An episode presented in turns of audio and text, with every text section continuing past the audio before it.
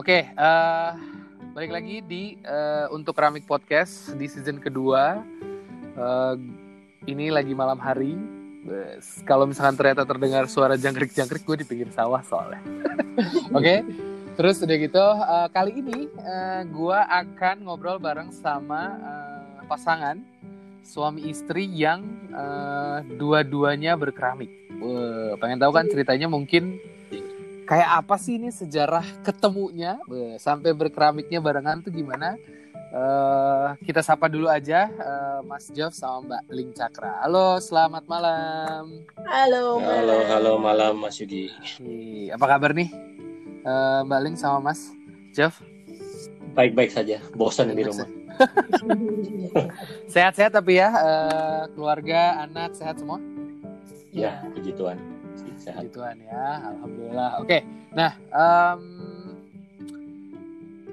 kan kita tadi seperti yang uh, eh, gue bilang di awal, kalau misalnya kita mau ngobrolin tentang uh, suami istri berkeramik nih. Nah, uh, mungkin uh, boleh diceritain dulu nih uh, dari Baling boleh, dari Mas Jeff boleh. Uh, awalnya akhirnya kalian berkeramik itu gimana sih? Maksudnya kan untuk orang-orang yang belum tahu uh, dan mungkin untuk orang-orang juga yang ternyata nih uh, setelah pandemi ini mungkin kena PHK terus uh, menemukan interestnya di keramik tapi bareng-bareng tuh gimana ya caranya? Nah boleh dong diceritain. Silakan balik dulu kali balik. Oh, balik. Aku dulu. Boleh cerita dulu. Uh, jadi mulainya aku waktu kecilnya papa saya kolektor keramik Oh, Oke, okay, nice. Oh. Okay. di rumah udah sering ngeliat uh, keramik dari yang uh, uh, karena saya besarnya di Kalimantan, jadi uh -huh. yang tungku-tungku besar yang dari kayak Dayak, Singkawang kayak gitu. Oh. Piring China kayak gitu ya. Uh. Dinasti apa gitu. Tapi waktu oh. kecil kan nggak ngerti ya. Yes. belum appreciate itu okay. romantik gitu. Sorry, pertanyaan agak uh, apa menyamping. Pernah mecahin nggak salah satunya? Pernah mecahin nggak? Hmm. Karena gue pernah soalnya. oh, jadi papa saya banyak banget. Jadi ada yang piring yang lusinan, uh-huh. yang gambar ikan biru-biru itu loh. Oh iya, yeah, yeah, I know, I know. Nah, kalau itu ya nggak apa-apa gitu. Tapi kalau yang tipe yang one of the kind, nah itu nggak boleh deh. Disentuh aja nggak boleh. Gitu. Oke. Okay. Pernah pakai, pernah pakai uh, bentuknya vas bunga. Jadi saya pakai. Papa saya suka berkebun juga. Jadi saya, uh, okay. saya ambil bunganya dia. Uh-huh. Saya arrange di pot bunganya dia yang uh-huh. dinasti apa gitu. Uh-huh. Langsung marah dong.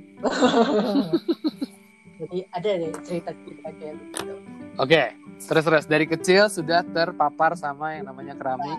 jadi eh, lalu waktu sekolah kuliah lagi, waktu kita udah ke, uh, married sama Jeffrey tahun 2000, berarti itu kita ke Amerika, saya sekolah lagi, mm-hmm. saya harus ngambil kelas art. Jadi ya, okay. keramik. So, jadi saya ngambil kelas keramik Senin Rabu. Mm-hmm. Hari pertama pulang, oh saya excited banget dong, jadi cerita cerita. Wah kamu sign up aja besok. Kelasnya masih ada Oke. Okay. Dia sign up yang Selasa Kamis. Oke. Okay. Tapi backgroundnya Mbak Ling sendiri sebenarnya? Maksudnya kuliahnya? S satunya akuntansi. Oke, seneng nih gue yang jauh. Maksudnya jauh dari dunia perkreatifan, tiba-tiba berkeramik. Oke, terus.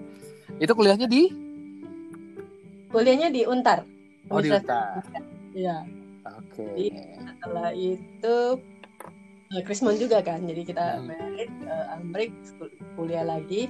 Nah waktu kuliah itu saya juga nggak ngambil art, saya hmm. ngambilnya early childhood development. Jadi ceritanya okay. mau jadi pak, tapi nah, akhirnya ngambil kelas-kelas keramik sampai dari beginner, intermediate, advance, gitu, sampai hmm. Pokoknya semuanya deh, gue sampai jadi lab tech. Jadi kita okay percobaan kita dan gurunya kasih kita kunci jadi kita berdua sama teman-teman kita eksperimennya banyak banget dan have fun banget oke okay. Nah, berarti itu awal mula berkeramik. Nah, kalau Mas Jeff sendiri nih, eh, kan kemarin kita sempat cerita kalau Mas Jeff sebenarnya backgroundnya adalah sculpting. Ya. S1-nya sculpting. S1 sculpting. Itu di Amerika juga. Iya. Oke, Jadi nah. saya lahir di Jakarta, sekolah sampai SD 6 di Gunung Sari, aha, terus lanjutkan ke secondary school di Singapura, aha. akhirnya kuliah di Amerika. Yes. Itu ambilnya mulainya maunya bisnis, bisnis management. Oke. Setelah ngambil kelas accounting waktu itu kayaknya microeconomics. Langsung ganti haluan. Wait, ntar, ntar lu. Jadi pas di Amerika sekolah laginya tuh apa? Accounting. Dulu kalau di Amerika kan boleh masuk dulu gitu ya, jadi Aha. undecided. Terus ngambil-ngambil dulu mata kuliah yang kayaknya kamu mau nantinya apa gitu. Aha. Nah itu salah satunya kalau mau bisnis ya mesti ngambil itu microeconomics. Nah, Oke. Terus ngambil kelas itu langsung ganti haluan. Jadi tadinya either mau just drop out mulai do my work. Terus kakakku bilangin ya udah ngambil art aja kamu udah dulu suka gambar suka apa. Jadi saya ambil seni. Oke, jadi sebenarnya ini crossing juga ya dari akuntansi terus ke keramik. Ini dari patung mau nyoba bisnis. Lumayan juga ya. Apa tadinya niatnya kayak eh, ah gua kan udah bisa udah belajar patung nih, gua mau belajar gimana caranya jualan patung. Jualan Maksudnya kenapa akhirnya masuk bisnis? Nah, itu kan tadi eh, diceritain sama Baling kalau misalkan Baling ikutan kelas di hari Senin Rabu ya. Iya, Senin Rabu. Nah, terus Jadi ex- maksudnya se-excited apa Baling cerita sampai Mas Jof nih sampai yaudah deh gue ikutan juga. Dari dulu sih aku tertarik sama Oh, keramik. Oke. Tapi jadi waktu ngambil kelas sculpting di Amrik itu di universitinya, Aha. ada hal studionya bersebelah-sebelahan sama yang keramik. Oke. Nah, tapi kelas sculptingnya selalu barengan waktunya sama yang keramik. Oke. Jadi kan aku double sculpting ya, nggak pernah ngambil keramik itu selalu soalnya sama kan. Aha. Jadi dari dulu sering ngeliat-liat tapi nggak pernah ngambil, nggak pernah benar-benar belajar. Oh, oke oke oke. Sebenarnya Jadi sudah sudah dari dulu tertarik. oke. Kirain maksudnya eh, Baling nih jago banget eh, marketingin keramiknya sampai jadinya Mas sampai Mas Jof kayak oke deh gue ikutan gitu. Nah, itu tuh eh, kalian berdua ikutan workshop di hari yang berbeda tuh berapa lama tuh? Di eh, workshop keramiknya. semester dulu. Satu semester udah itu yang intermediate udah bareng. Intermediate Oh, kelas malam. Yang pisah-pisah satu semester pertama. Setelah itu bareng dulu sih ngambil. Oke, nah eh, dari situ berapa lama tuh? eh, apa namanya kan sempet katanya ikutan course, udah gitu intermediate, udah gitu kan sempet diperbolehkan bolak-balik ke dalam studionya tuh.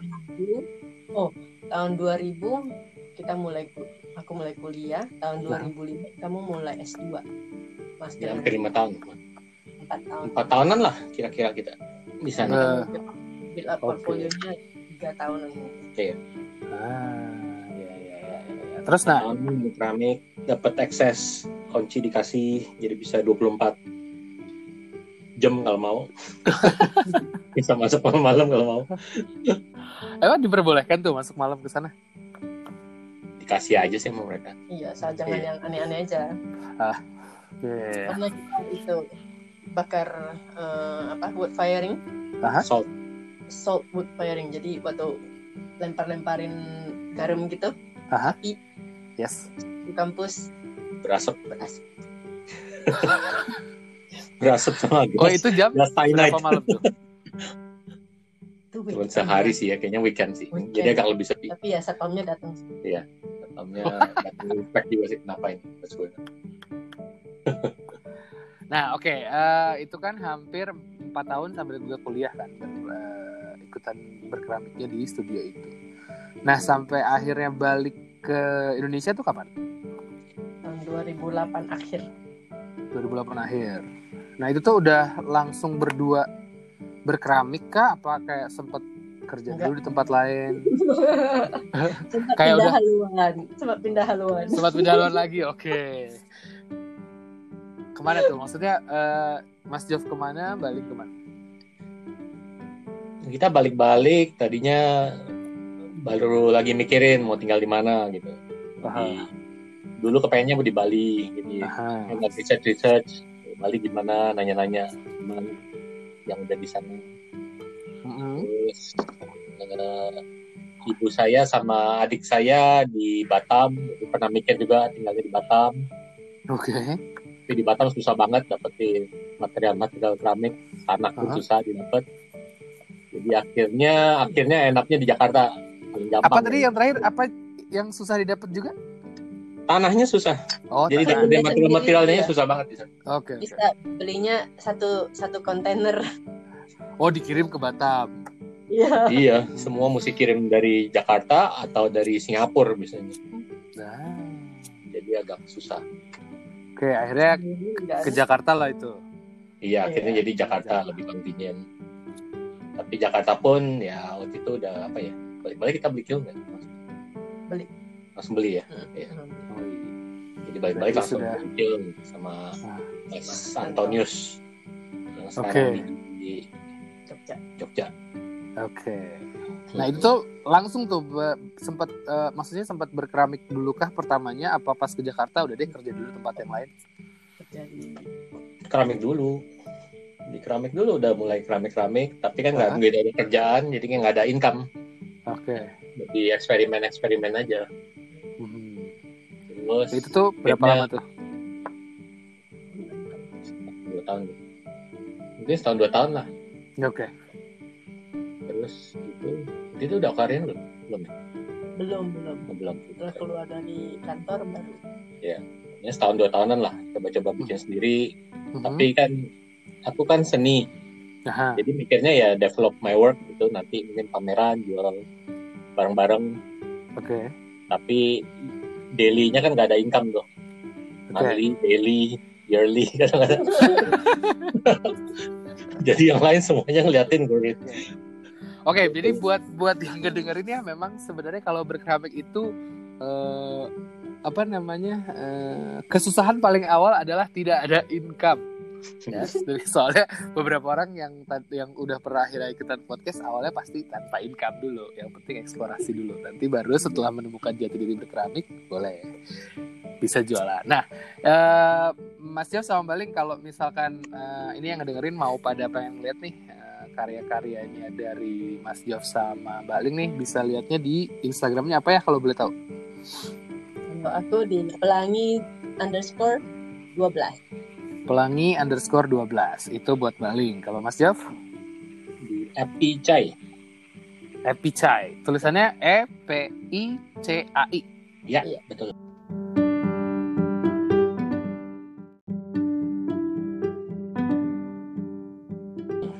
Oke, nah eh, itu kan eh, awalnya mulai tuh nggak eh, tidak ada income, eh, sempat kerja dulu. Nah akhirnya eh, benar-benar berkeramik tuh tahun berapa? Eh, Maksudnya yang akhirnya berincome, sorry. oh baru baru sekarang Enggak lah. Enggak. Waktu waktu mulai ngajar. Ngajar, Jadi aku waktu itu Oke. udah udah kayak gitu worried. Jadi orang tua aku semua ngeliatin aku kayaknya, aduh kamu kayak gini terus mau ngapain? gitu. Jadi akhirnya di in a way kayak dipaksa masuk ke kerjaan keluarga. Jadi Wah bisnis. itu berarti udah punya anak juga pas itu? Udah. itu? kita Oke. anak pertama lahir di Amerika. Jadi balik-balik Oke. dia udah umur tigaan deh. Iya, dua ribu- berarti kan umur tiga dia udah waktu kita balik ke sini. Nah kalau eh, Mas Jof mengajar, mengajarnya tuh awalnya di mana Mas? Eh dari rumah. Jadi Di rumah. Iya, 2010 aku keluar dari kerjaan keluarga, mulai Hah? deh. Mulai ya udah bikin kerjaan aja di rumah. Terus mulai mulai ngajar-ngajar dari itu. Dia diadain aja lah pokoknya ya. Yang penting Iya. ada duitnya. Oke, terus buka workshop berarti tuh. Iya. Bareng Pernah ngajar di workshop orang. Jadi Oke. waktu itu ada namanya Ibu Sharon di daerah Pondok Indah. Oke. Jadi di- aku ke sana ngajarin teman-temannya murid-muridnya yang dia ada gitu. Mhm. Terus dianya pindah, jadi aku terusin di rumah. Jadi murid-murid datang aja ke rumah. Ah, oke, oke, oke, oke. Nah, kalau eh, Mbak Ling sendiri, Mbak? Tuh, Eh, selama itu ya masih Ah. ibu rumah tangga. ibu rumah eh, tangga. bantuin orang tuanya Jeffrey. Aha. Di sela-sela masih berkeramik juga tapi.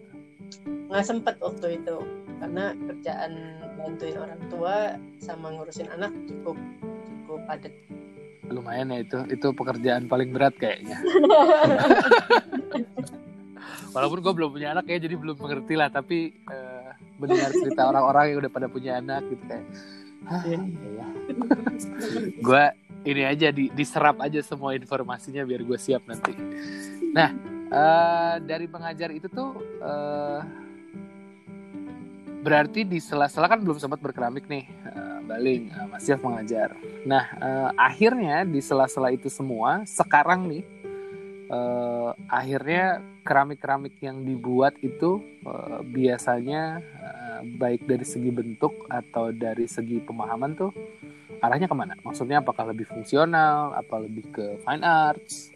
Untuk eh, mungkin Mbak Ling dulu. Mbak Ling sekarang tapi berkeramik. Iya.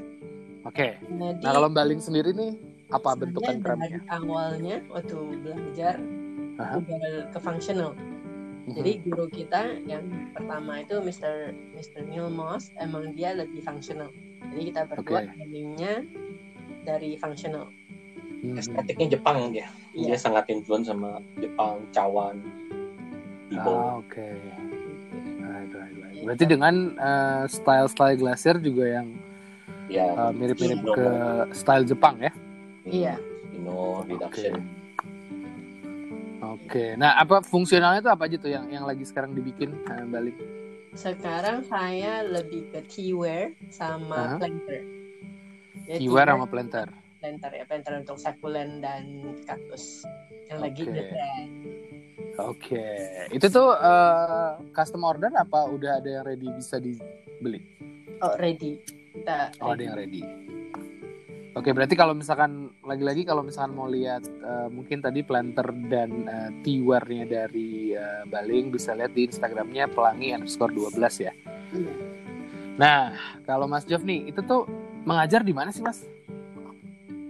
nah mulainya kan ngajar di rumah jadi orang Ah. yang mau belajar keramik datang ke rumah Yes. terus lama-lama itu pun kayaknya kurang menjanjikan soalnya kan sporadik gitu dapat murid ini income-nya ada lagi nggak ada kosong Yes. jadi akhirnya waktu itu mau nyari yang lebih stabil Oke. terus ada yang bilang ada opening di SPH Aha.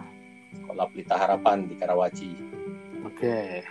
jadi iseng-iseng melamar Mhm. pokoknya panjang cerita akhirnya enaknya di UPH Oke. belajarnya di UPH di desain produk Aha. Terus ada elektifnya keramik Oke. Nah, eh mungkin juga kalau misalnya ada yang dengerin eh, anak UPH tuh eh, kelasnya Mas Jof tuh kalau di UPH elektifnya kayak apa sih? Galak apa enggak Mas Jof nih? Coba. Mungkin jangan Mas Jof yang jawab kali ya, balik coba Mbak. Pasti kan diceritain kan pasti aduh mahasiswa ini malas banget nih anaknya gitu. Gimana Mbak si Mas Jof nih kalau Dia termasuk yang baik. Oh baik, oke. Oh baik nih istri yang baik nih berarti benar. Sekalian dijual aja mbak, Bukan, siapa tahu elektifnya laku. Kalau kita ki- kuliah di Indo kan kayak do, kayak dosen killer. Dia bukan yang killer. Oke. Tipe yang perlu diperlukan bisa langsung lah bisa langsung dihubungi. Bukan yang, oh, jangan telepon saya setelah jam segini enggak. Oke. bisa dicari. Carinya di mana? Di bengkel keramik. Bengkel keramik di UPH-nya Di maksudnya. UPH iya. Oke. Oh berarti sorry, Mas Jof ada di situ dari jam berapa sampai jam berapa Mas? Hari apa sampai hari apa terus jam berapa sampai jam berapa? dulu sih full time ya jadi ya Aha. Jam kantor. pokoknya Senin jam sampai kantor Jumat. kita kita setiap ya sampai Jumat dari jam 7 sampai jam 4 Oke. Kalau sekarang? oh, sekarang sih di rumah Oh, sekarang di rumah. Oh, enggak, maksudnya- Sekarang di rumah gara-gara pandemi maksudnya. iya Iya. Oh. gue pikir kayak eh, enggak kok gue udah gak ngajar lagi ya. Oke oke. Berarti nanti setelah pandemi ini bisa ya kalau misalkan mungkin eh, anak-anak eh, UPH yang belum eh itu sorry elektifnya hanya anak hanya anak DP aja yang boleh ini apa jurusan Iya, lain juga boleh. desain produk doang tapi kayaknya di KO yang baru kemungkinan besar dibuka untuk yang anak desain lain jadi yang desain interior arsitek Ah, yang DKV itu semua boleh. Oke, nah berarti nanti buat kalian yang anak-anak UPH kalau misalnya belum nyobain elektifnya keramik harus dicobain ya. Iya. Gitu. Kalau mas mau lihat kayak eh, Mas Jeff kayak apa bisa lihat di Instagramnya di Epicai. Iya. Oke, nah sekarang masuk ke pertanyaan kedua nih. Eh, setelah tadi mendengar eh, sejarah dari eh, berkeramiknya Mbak Ling sama Mas Jof nih, eh, pengen nanya nih sebenarnya arti keramik buat kalian personal tuh apa sih? Karena kan eh, apa namanya ya?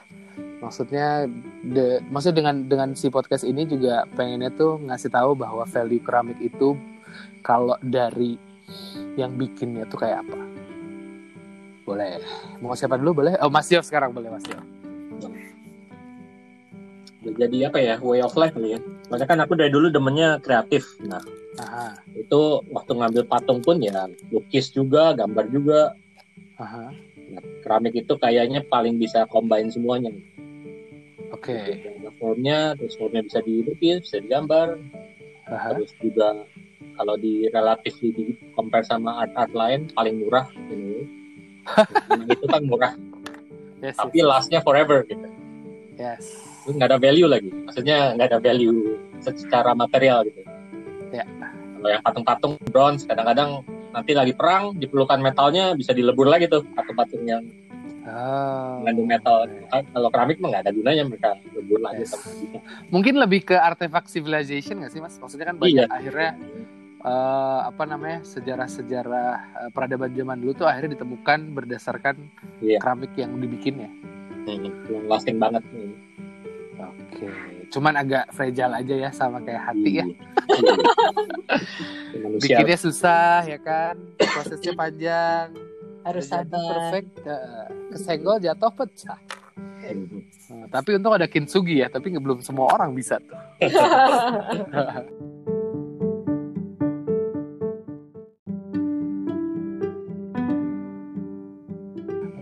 Oke, sekarang kalau buat Mbak Lik nih, apa arti keramik buat Mbak Lik? Oh, misalnya karena eh, dari kecil sudah mengenal keramik juga ke arah situ juga ya of life juga dan sebagai ibu saya Mhm. anak saya dari umur satu saya kasih Mhm. pakai gelas keramik Oke. jadi eh, dari kecil mereka udah diajarkan eh, hati-hati pa- pakai keramik Mhm. Jadi semua semua tableware semuanya itu pakai keramik Oke. Wait, itu dari kecil tuh dari umur satu banyak yang pecah nggak tuh Mbak? Enggak. Oh, cool. Jadi mereka berdua so far yang gede waktu belajar minum pecahin satu, Hah? yang kecil eh, kayaknya dua. Oh nice. Dan maksudnya Mbak Ling inget gitu mereka mecahin berapa? Iya. Aku ingat yang, per- yang anakku yang pertama pecahin yang apa, aku juga masih ingat. nice. Oke oke oke. Berarti itu langsung Eh. dipotong nanti warisan mereka. ya berarti eh, nah apakah eh, maksudnya di luar dari way of life terus tadi kan Mbak Ling sempat eh, kuliahnya lagi tuh early child development. Apakah berarti itu juga akhirnya membantu untuk akhirnya mengajarkan mereka berhati-hati dan mengenal keramik dari kecil? Iya. Dan saya eh, waktu mulai ngajar di rumah, ngajar keramik di rumah, saya mulainya dengan anak-anak. Anak-anak saya Oke. pertama kita homeschool. Oke. Yang kedua sekarang juga home learning ya, jadi sama aja. Jadi em, saya terima anak-anak homeschool yang lain, saya ajarkan mereka eh, how to appreciate ceramics. Nah, dari Nice. proses pembuatannya eh, semuanya itu perlu waktu dan perlu kesabaran. Jadi Oh, lebih oke. untuk mengedukasi ke masyarakat pada umumnya keramik itu apa Oh, nice. dan kenapa handmade itu eh, harganya lebih tinggi daripada factory made kayak gitu saya eh, memberitahukan ke, ke teman-teman lah Aha. apresiasinya Oke, berarti saat mungkin sebenarnya ini juga sih kalau uh, gue sendiri ya mbak menemukan bahwa sebenarnya apa yang dipelajari dalam proses pembuatan keramik juga sebenarnya akhirnya bisa diaplikasikan dalam kehidupan gak sih? Iya. Maksudnya kenapa akhirnya bisa ada uh, korelasi antara keramik dan prosesnya untuk akhirnya diajarkan ke eh, anak-anak uh, dari kecil gitu misalnya? Iya. Jadi dari kecil, uh, sekarang saya udah jarang dapat uh, murid-murid anak kecil ya. Mm-hmm. Jadi lebih ke orang dewasa, tapi saya tetap tetap tetap ngajarin juga kayak misalnya harus meditasi waktu waktu handling claynya itu gimana kayak gitu. Jadi mm-hmm. saya kadang-kadang bilang saya bukan keramik, bukan instruktur keramik, tapi guru yoga iya, guru oh, okay. pernapasan iya. guru apa iya sorry? yoga, meditasi, eh, semuanya pernapasan. Aku napas. Kalau lagi drawing sering kayak nggak mau nggak berani napas kan? Iya iya benar-benar tahan napas kalau gue. Iya. Jadi eh napas napas napas. Soalnya takut goyang mbak. Jadi kalau misalnya lagi naikin, turunin gitu atau nggak gedein iya. pasti gue tahan napas tuh karena takut goyang tangannya. Oke. okay. Uh, lagi-lagi kalau misalkan buat yang mau uh, lihat karya-karya dari Mas Jeff dan Mbak Ling kayak apa kalau Mas Jeff di at epicai kalau Mbak Ling di at pelangi underscore 12 oke okay.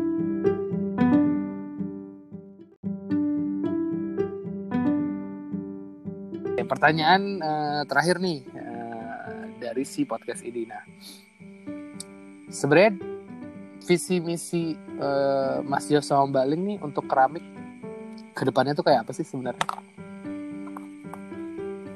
Dari Mas Jof mungkin. Eh terus eksplorasi kali. Hmm. Soalnya eksplorasinya paling fun di sana sih. Oke. Okay. Jadi ada eksplorasi teknik, uh -huh. eksplorasi pembakaran, eksplorasi glasir. Uh -huh.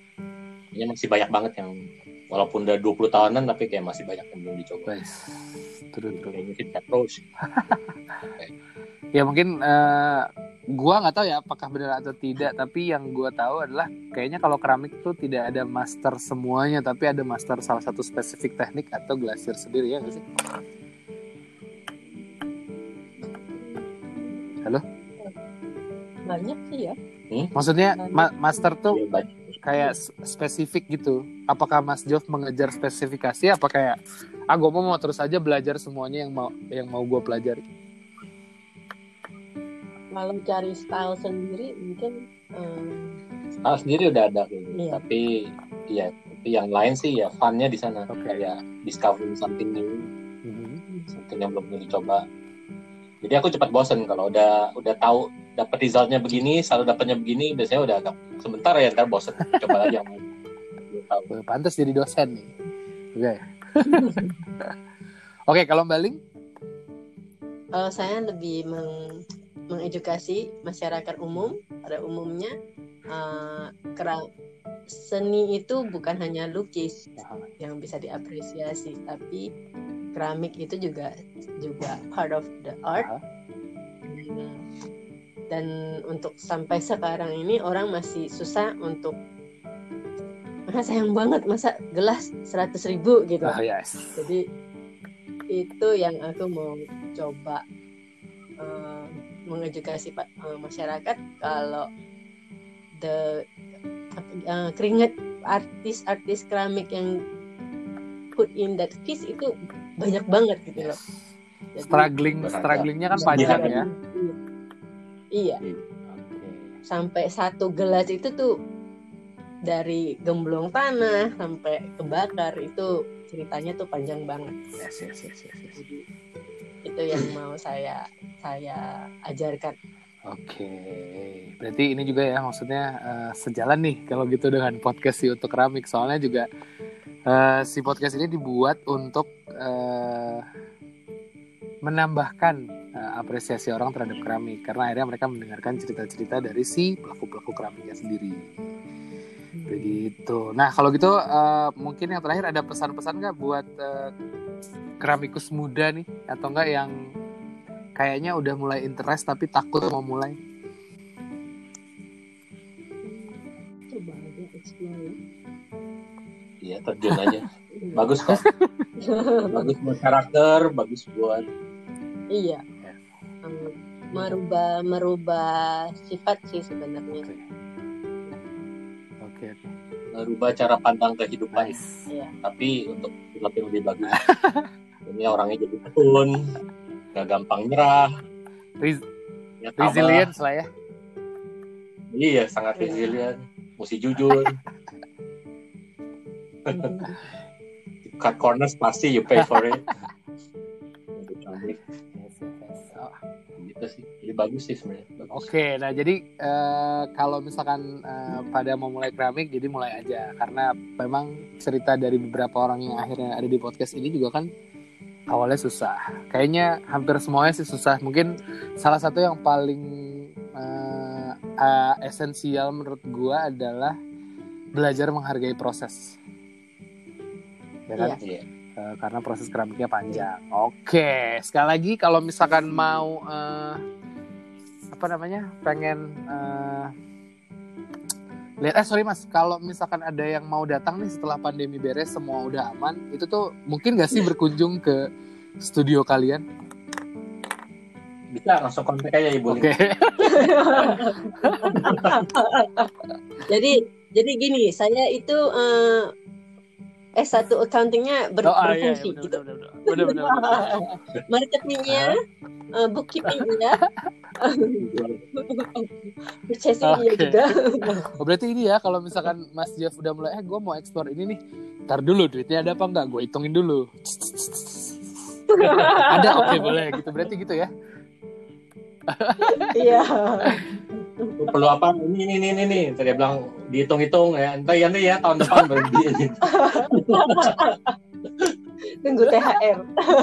Oke, kalau gitu eh, Mas Jeff sama Mbak Ling terima kasih banyak. Eh, kalau juga eh, para pendengar kalau misalkan pengen eh, lagi-lagi kalau mau lihat bisa di Mbak Ling di at eh, pelangi underscore 12 eh, Mas Jeff di Epicai juga kalau misalkan eh, pengen ini nih maksudnya untuk ngasih tahu eh, ada salah satu studio keramik apa atau enggak pelaku keramik siapa yang mau diinterview boleh di DM at untuk keramik. Yes, sekali lagi terima kasih Mas Jeff sama Mbak Ling. Eh, sama-sama. sampai berjumpa lagi.